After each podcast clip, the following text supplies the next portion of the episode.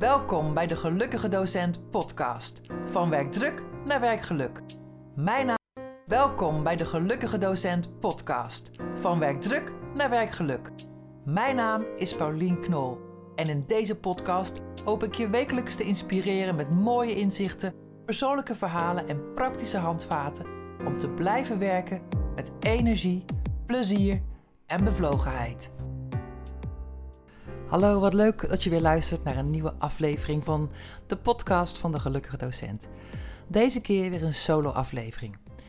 Um, ik wil graag met jullie delen uh, mijn ervaringen over de achterkant van het geluk. Ik heb het natuurlijk uh, regelmatig gehad over wat je zelf kunt doen. En aan de pijlers van geluk, de kansen van geluk. De verbinding, de vitaliteit, zingeving, bevlogenheid, mindset en plezier. En ik heb met mensen gesproken, de docenten, hoe ze dat zelf doen. En met bestuurders over het beleid en organisatorische dingen die nodig zijn en visie. Maar ik dacht, het is ook tijd om eens stil te staan bij de achterkant van de medaille. de voorkant is het werkgeluk, plezier, de gelukkige docent. Uh, maar dat is natuurlijk niet altijd zo. Sterker nog, hmm, het is best wel vaak niet zo. Uh, het nieuwe schooljaar is weer net begonnen. En uh, terwijl ik zelf nu niet meer uh, als docent werk op dit moment, zie ik om me heen bij de collega's die ik nog spreek, dat er gewoon niets veranderd is aan wat ik altijd heb ervaren. Um, de eerste dag is de introductiedag. Dat is erg leuk, vond ik altijd. Uh, grote bijeenkomst, een spreker. Je ziet elkaar weer, uh, bijkletsen. En dan beginnen de eerste vergaderingen. En dan komt het tempo erin en voel je ja, de spanning stijgen, want er moet nog zoveel. Ik vond het altijd dubbel. Ik vond het tegelijkertijd ook leuk, uitdagend, heel eerlijk. Maar ook dacht ik dacht, dat ik toch het gevoel al kreeg: oh, wat moet ik nog veel doen? En um, ja, maandag komen de studenten en heb ik dan alles klaar. Dat betekende vaak nog langer doorwerken, thuis dingen regelen, je eerste les goed neerzetten, want dat is belangrijk. Uh, zorgen voor een introductie. Uh, zorgen voor je mentorklas, dat je alle administratie op orde hebt. Nieuwe lesmethodes uitproberen. Het is gewoon zoveel. Ik weet nog dat ik uh, dacht en elk jaar opnieuw dacht. Het lijkt wel of ik gewoon een, hele nieuwe baan heb. Ieder jaar weer. En aan de ene kant ook weer dat dualisme. Aan de ene kant vind ik dat, uh, vond ik dat heel leuk. Want uitdagend, ik hou wel van uitdaging en afwisseling. Maar aan de andere kant kost het ook echt wel heel veel energie. Want je kan zo weinig weer op routine doen en zo weinig weer op uh, ja, wat je al weet. Natuurlijk eh, leer je daar wel beter mee omgaan. Maar omdat de dingen zo veranderen en soms mensen veranderen, collega's, managers, systemen. Hè, dan hebben we in één keer weer een heel nieuw uh, ICT-systeem of een nieuwe uh, grote leeromgeving. Ja, dat zijn echt uh, veranderingen die heel veel energie kosten. En dat komt er ook gewoon bij. En niet dat ik daar nou per se altijd nou ja, ongelukkig van werd of zo. Soms wel, omdat het zoveel was. Maar juist het um, gevoel dat je geen tijd hebt om stil te staan. Omdat er, dat er van alle kanten een beroep op je gedaan wordt. Um, en ook het idee dat je daar geen invloed op hebt hè, um, je moet werken met, weet niet wat voor systeem je hebt, uh, Blackboard of uh, iets anders, een, systeem. En als dat niet meewerkt, ja, dan heb je daar weinig invloed op. Dan moet je anderen inschakelen om dat weer uh, te repareren of daar weer verder in te kunnen. Um, als je gaat werken met een systeem of met een methode, ja, dan moet je daar je weg in vinden om daar ook jezelf in kwijt te kunnen. Dat vond ik soms behoorlijk ingewikkeld. Um, en ook de tijd die altijd maar doorraasde. Gewoon, soms had ik echt het gevoel van, jongen, jongen, ik zou eens een camera mee moeten nemen op een werkdag. Dan, dan kan ik tenminste thuis uitleggen nou ja, wat, wat ik allemaal meemaak. De, om half negen uh, binnenkomen, de vergadering in, waarin van alles gebeurt met zoveel mensen. Ehm, dingen worden gezegd, dingen niet worden gezegd, vooral. Ik denk dat ik daar ook altijd heel veel last van had, van die dingen die niet worden gezegd, de onderstromen. Um, sommige dingen die worden gedropt van bovenaf, vanuit het management. Waar je denkt, hoe, dan? Uh, maar discussietijd is er nauwelijks, want we hebben een strakke agenda en, en veel agendapunten. Die, die vergaderingen, soms waren ze ook heel leuk, want er moest iets gevierd worden. En dan, dan hadden we plezier met elkaar en hadden we ook lol. En dat vond ik dan ook altijd weer heel leuk. Het is continu, ja, merk ik, gewoon een, dualisme. Van de ene kant zijn er ook heel veel leuke dingen. Um, maar ik vond het altijd vooral zo heftig. Zo ontzettend heftig, omdat ik zoveel indrukken, ik vertelde over die vergadering, zoveel indrukken opdeed in korte tijd. En eigenlijk geen tijd had om ze nou te snappen, te verwerken. Ik denk, ik voel van alles. Wat gebeurt hier nou? En zeker, hè, ik zei het net al, in die onderstromen.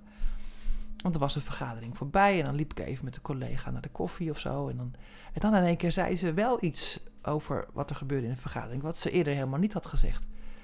En dan dacht ik, ja, maar waarom zeg je dat daar dan? Ja, dat heeft toch geen zin. Of ja, dan eh, krijgen we er weer gedoe over. En, en veel teams waarin ik heb gewerkt en ik heb ook teams begeleid, merk ik dat dat een cultuur is die ehm, ja, toch vaak voorkomt in teams ook. En ook dat is ingewikkeld. Ehm, echt goed samenwerken, echt goed feedback geven, ja, dat vond ik ook altijd een ding. En ook daar had ik dan het gevoel, ik heb er niet altijd invloed op. Maar ik miste als ik terugkijk vooral tijd om uh, te verwerken en stil te staan bij wat er nou gebeurde. Even een slokje water. Ik verloor energie, dat was wel duidelijk. Als ik uit een vergadering kom, dan was het, uh, nou, uh, laten we zeggen, pff, tien uur of zo, twee uur vergaderd, dat is toch niks. En dan, dan weet ik, dan had ik een kwartiertje en dan begon mijn les al.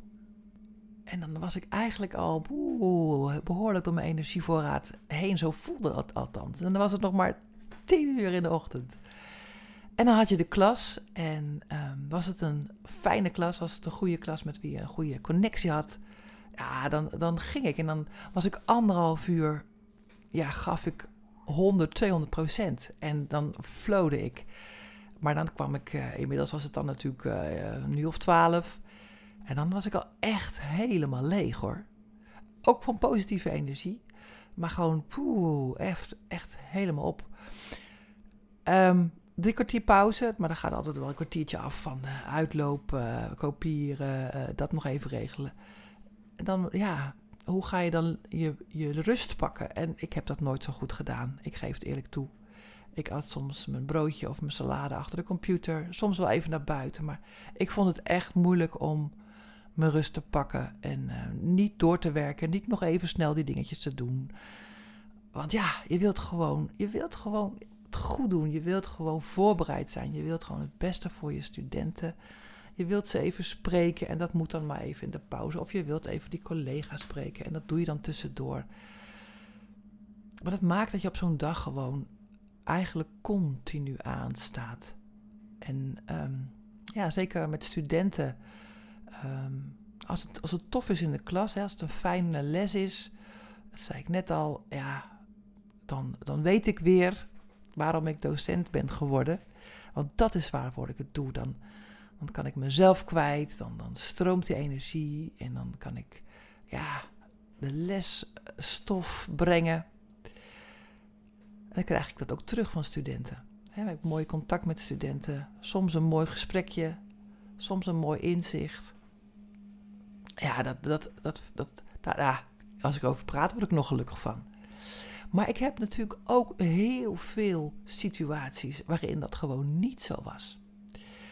Um, als je nieuwe docent bent, zijn zoveel dingen nieuw voor je. En ook voor de studenten zijn dingen nieuw. En dat is een situatie um, ja, die lastig is. Uh, mensen zijn niet zo graag onzeker.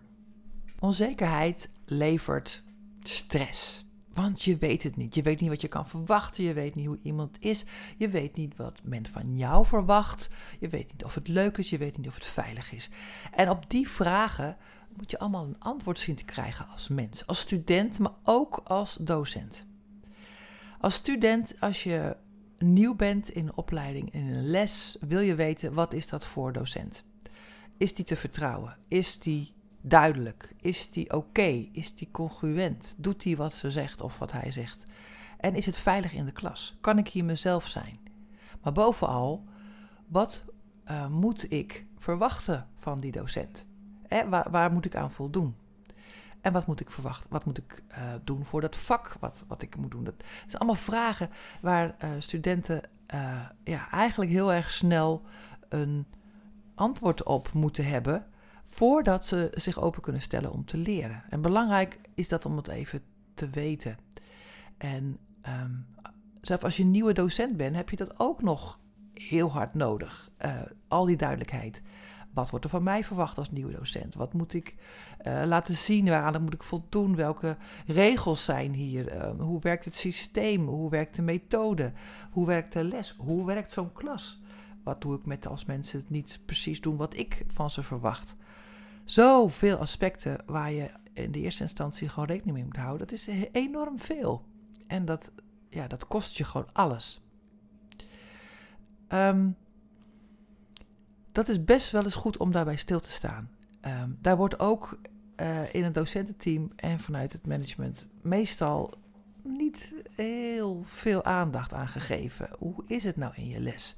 Want daar heeft niemand eigenlijk gewoon tijd voor. We moeten gewoon verder en door. En um, je moet het gewoon alleen rooien in je klas. En dat is heel pittig af en toe. Natuurlijk heb je ook uh, uh, klassen die niet moeilijk zijn, maar die wel die duidelijkheid nodig hebben. En vooral um, wanneer je zelf als docent het antwoord ook niet weet. De laatste uh, twee jaar dat ik uh, uh, gewerkt heb als docent fulltime, was ik op een nieuwe opleiding. En um, al ben ik al, ja, al meer dan twintig jaar docent, toch waren daar nieuwe regels, nieuwe methodes, nieuwe afspraken, nieuwe normen die ik niet wist. En als ik dan student had, mevrouw, hoe zit het dan daar en daarmee en wanneer is het? Ik zeg, oh, dat weet ik niet, jongens. Ik, ben hier ook nieuw, ik moet het even navragen. Nou vond ik dat geen probleem om het op die manier te doen, maar sommige studenten wilden dan nu duidelijkheid, à la minuut. En ja, voordat ze um, dan verder konden leren, ja, moest ik wel iets anders inzetten. En dat maakte mij ook onzeker. Ik dacht, oh, ik weet het antwoord niet. En nou vinden ze, wat vinden ze dan wel niet van mij? Vinden ze me dan nog wel goed genoeg? Um, en ik heb dat ook echt met die klas uh, wel heel pittig gehad, moet ik zeggen. Om daar dan een goed leerklimaat uh, in te krijgen. Dus die onduidelijkheid um, is ook een ding in het onderwijs waar je als docent enorm ja, last van kunt hebben. Er gaat ook natuurlijk ook vaak dingen niet zoals ze moeten gaan, organisatorisch. Hè? Dat dingen niet geregeld zijn, niet op tijd, uh, mailings, roosters, uh, groepen, uh, administratieve dingen. Ehm, daar heb je als docent niet ehm, schuld van, of ik weet niet of er sprake is van schuld, maar dat, komt, dat heb je niet veroorzaakt, maar daar ben jij wel uh, ja, zeker als je mentor bent van de groep, degene die uh, daar aansprakelijk is als zijn, die staat representatief voor de organisatie.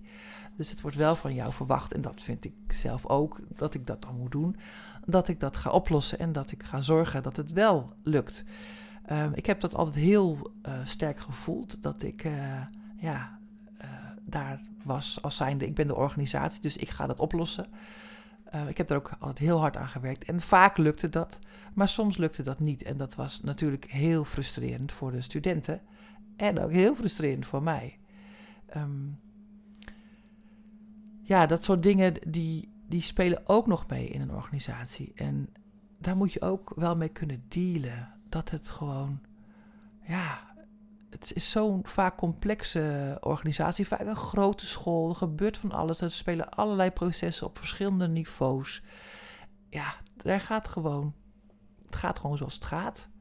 En je moet niet verwachten dat alles soepel en uh, strak is georganiseerd. Ook al doen we daar met z'n allen nog zo ons best voor.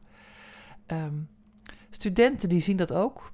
Um, ik heb nu uh, een zoon nog op het MBO. En die ziet dat inmiddels ook. Hij is derdejaars. Hij ziet ook hoe het gaat. En uh, studenten die kunnen daar ook ja, gefrustreerd van raken, moedeloos van raken, uh, mopperig en negatief over raken. Dat vond ik zelf, uh, dat vind ik een van de moeilijkste dingen. Negatieve studenten die heel negatief zijn over, ja, over school, over, je, over de organisatie. En dat met niet te verstaande woorden aan je kenbaar maken. En met die negatieve energie ook soms de klas inkomen. Ja, dat vind ik echt, het, uh, heb ik heel veel last van gehad achteraf. En ik probeerde dat dan niet uh, mezelf aan te trekken, maar dat lukte eigenlijk niet. Want ik voelde me toch persoonlijk aangesproken. En dat is natuurlijk lastig als iemand zo negatief is. Ze zijn dan niet tegelijk heel negatief tegen mij, maar ik voelde dat wel als ja, ik werk hier en ik sta hiervoor en ja, ik moet ze gewoon gelijk geven dat het gewoon niet goed geregeld is. En dat, dat, ah, ja, dat, dat was ook een groot energielek van mij. Dus hoe hield ik dat nou vol al die tijd? Um, nou ja, ik heb ook een keuze op een gegeven moment gemaakt om eruit te stappen, om andere dingen te gaan doen.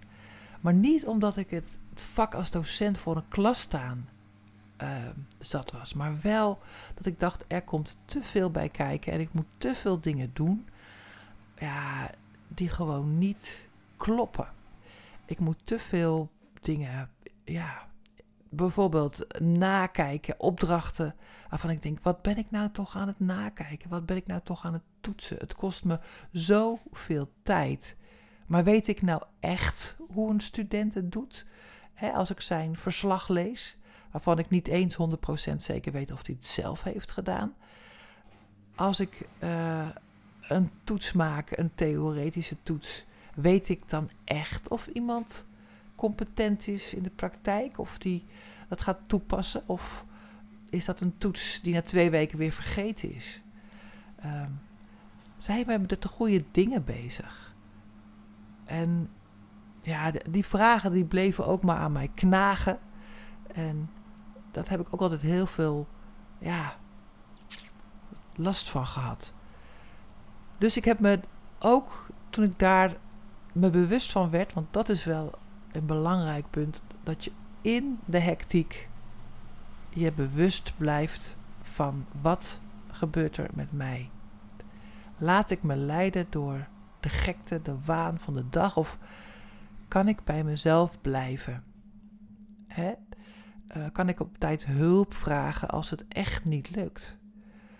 Um, kan ik uh, collega's bij mij in de klas vragen? Hè, zijn die veilig genoeg dat ik ze mee durf te laten kijken? Want dat is nog best een ding. Uh, om me echt te helpen. Dat is ook niet vanzelfsprekend. Heb ik ook moeten leren. Ik heb in, trouwens in al die 23 jaar lang dat ik voor de klas heb gestaan, nou misschien uh, ik kan de, de lesbezoeken uh, op één hand tellen misschien wel. Dus daar is nog wel wat aan te verbeteren, denk ik. Maar het gevoel dat je samen dat doet, samen ook voor, voor de studenten gaat. Ook als het moeilijk is. En niet elkaar de loef afsteken. En niet zeggen van nou, bij mij in mijn klas doen die, eh, die student het helemaal niet. Ik heb geen moeite met die student. Terwijl jij in een heftig conflict zit keer op keer. Dat, dat is niet behulpzaam. Daar help je elkaar niet mee. En schep je alleen maar verwijdering. En toch gebeurt dat nog heel vaak. Wat gebeurt er nu als je, ja, als je het pittig hebt? Dan ga je als mens in een overlevingsstand. En um, dat is ook wat ik vaak heb gezien. Wat er gebeurde met, uh, met docenten, met onderwijsteams. Dat mensen toch in een soort survival mode gingen zorgen voor hun eigen toko. Als ik het in mijn les maar goed heb. Het maakt niet uit dat die klas straks die eh, collega heeft en daar uh, loopt het helemaal niet goed. In mijn les is het goed. Ik heb mijn, uh, mijn Mijn lessen op de rit, ik heb mijn toetsing op de rit en ik heb alles al nagekeken. Ik ben klaar, ik kan naar huis. Ik moet heel eerlijk zeggen dat ik wel zo was. ja, sorry. Ehm, en dat dat wel zo ging. We wisten allemaal feilloos welke collega het zwaar had. Zag je het al niet zelf, dan hoorde je het wel van de studenten. De studenten klaagden altijd wel over de ja, docent die het niet kon, of die uh, domme dingen deed, of die rare dingen deed in hun ogen. Ze zeiden dat wel met iets andere taal, maar daar waren ze vaak uh, zeer uitgesproken over. Dus ik wist het wel welke collega het moeilijk had. Maar een open, eerlijk gesprek daarover. En hé hey joh, kan ik je helpen? Zullen we samen kijken uh, naar wat er beter kan? Ja, dat heb ik eigenlijk nooit zo gedaan, als ik heel eerlijk ben. Wel toen ik teamcoach was, uh, heb ik daarin werd ik me daar veel meer van bewust van: oké, dat is echt een ding waar docenten op afknappen als je het gevoel hebt dat je altijd maar alleen bent. Dus hoe kunnen we die samenhorigheid en het samen één zijn en elkaar helpen vergroten? En hoe kunnen we het taboe doorbreken dat we allemaal op een eilandje zitten? Ik vond het altijd bijzonder dat studenten dan teruggaven: ja, maar mevrouw, dit hebben we al lang gehad bij eh, die en die en die. Dit onderdeel in een les of zoiets. En ik wist dat helemaal niet. En dat wisten we van elkaar niet. Nou, ja, dat was echt schaamte. Ik schaamde me echt. En ik heb me wel vaak geschaamd. Dat ik dacht, oh, wat, wat zijn we mee bezig? Waarom weten we niet van collega's wat er in elkaars les gebeurt? Zodat we daarbij aan kunnen sluiten. Zodat we als team ook naar de studenten toe een eenheid kunnen laten zien. Nou, dit is niet zo'n opbeurend verhaal, maar het is wel een echt verhaal over de achterkant van de gelukkige docent. En het echte verhaal is niet dat je er per se mee moet stoppen, want het is een prachtig beroep, maar wel dat je um, die erkenning geeft aan hoe het is. Ik kan wel allerlei leuke trucjes en, en, tips geven over pauze houden en, en elkaar opzoeken, maar het gaat over hoe is het met jouw binnenkant? Hoe is het nou echt met je? Word je gezien?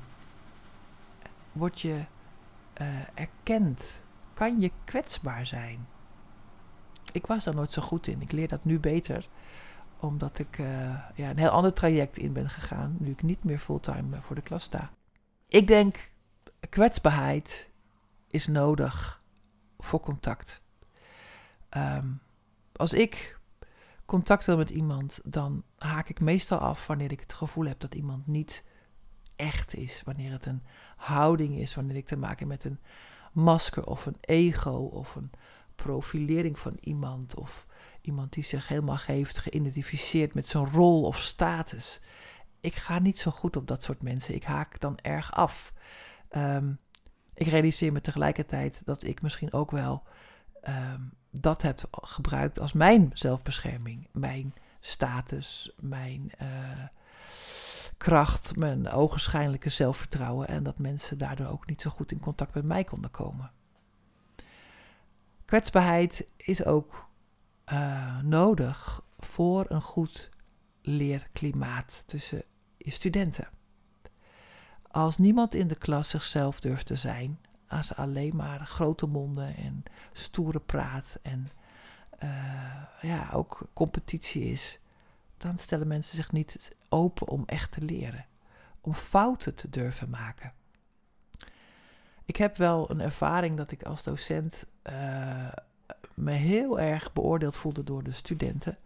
En ik dus ook het gevoel heb van, oh, maar ik moet deze les zo goed voorbereiden. Ik mag geen fouten maken, want ik word gewoon, ik word gewoon afgebrand. Dat gevoel had ik. Ik was onzeker.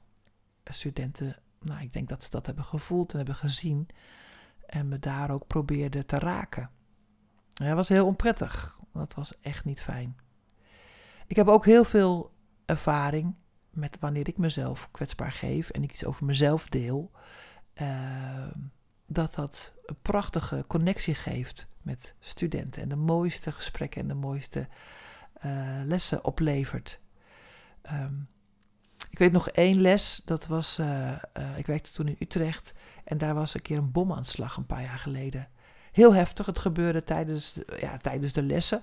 We mochten niet meer naar buiten en er was onzekerheid. En de, en nieuwszender ging aan en de tram, er was iemand hè, met een, een, wapen in een tram. Eh, studenten die waren helemaal over de rooien, want ze kenden allemaal de situatie. Die kenden die nog en die kenden de dader en de, de, de meest wilde indianenverhalen gingen. Het was een heftige situatie. Ja, de les daarop, toen had ik die klas weer. En toen dacht ik, weet je wat ik ga doen? Ik, ga, eh, ik laat het programma los. Ik ga op de kruk zitten. We hebben zo'n hoge kruk, stond ervoor in de klas. Ik ga op de kruk zitten en ik ga gewoon maar eens luisteren. En ik heb, dat was een van mijn mooiste lessen. Omdat ik, eh, ja, mensen hebben gevraagd. Ik heb iets over mezelf gedeeld.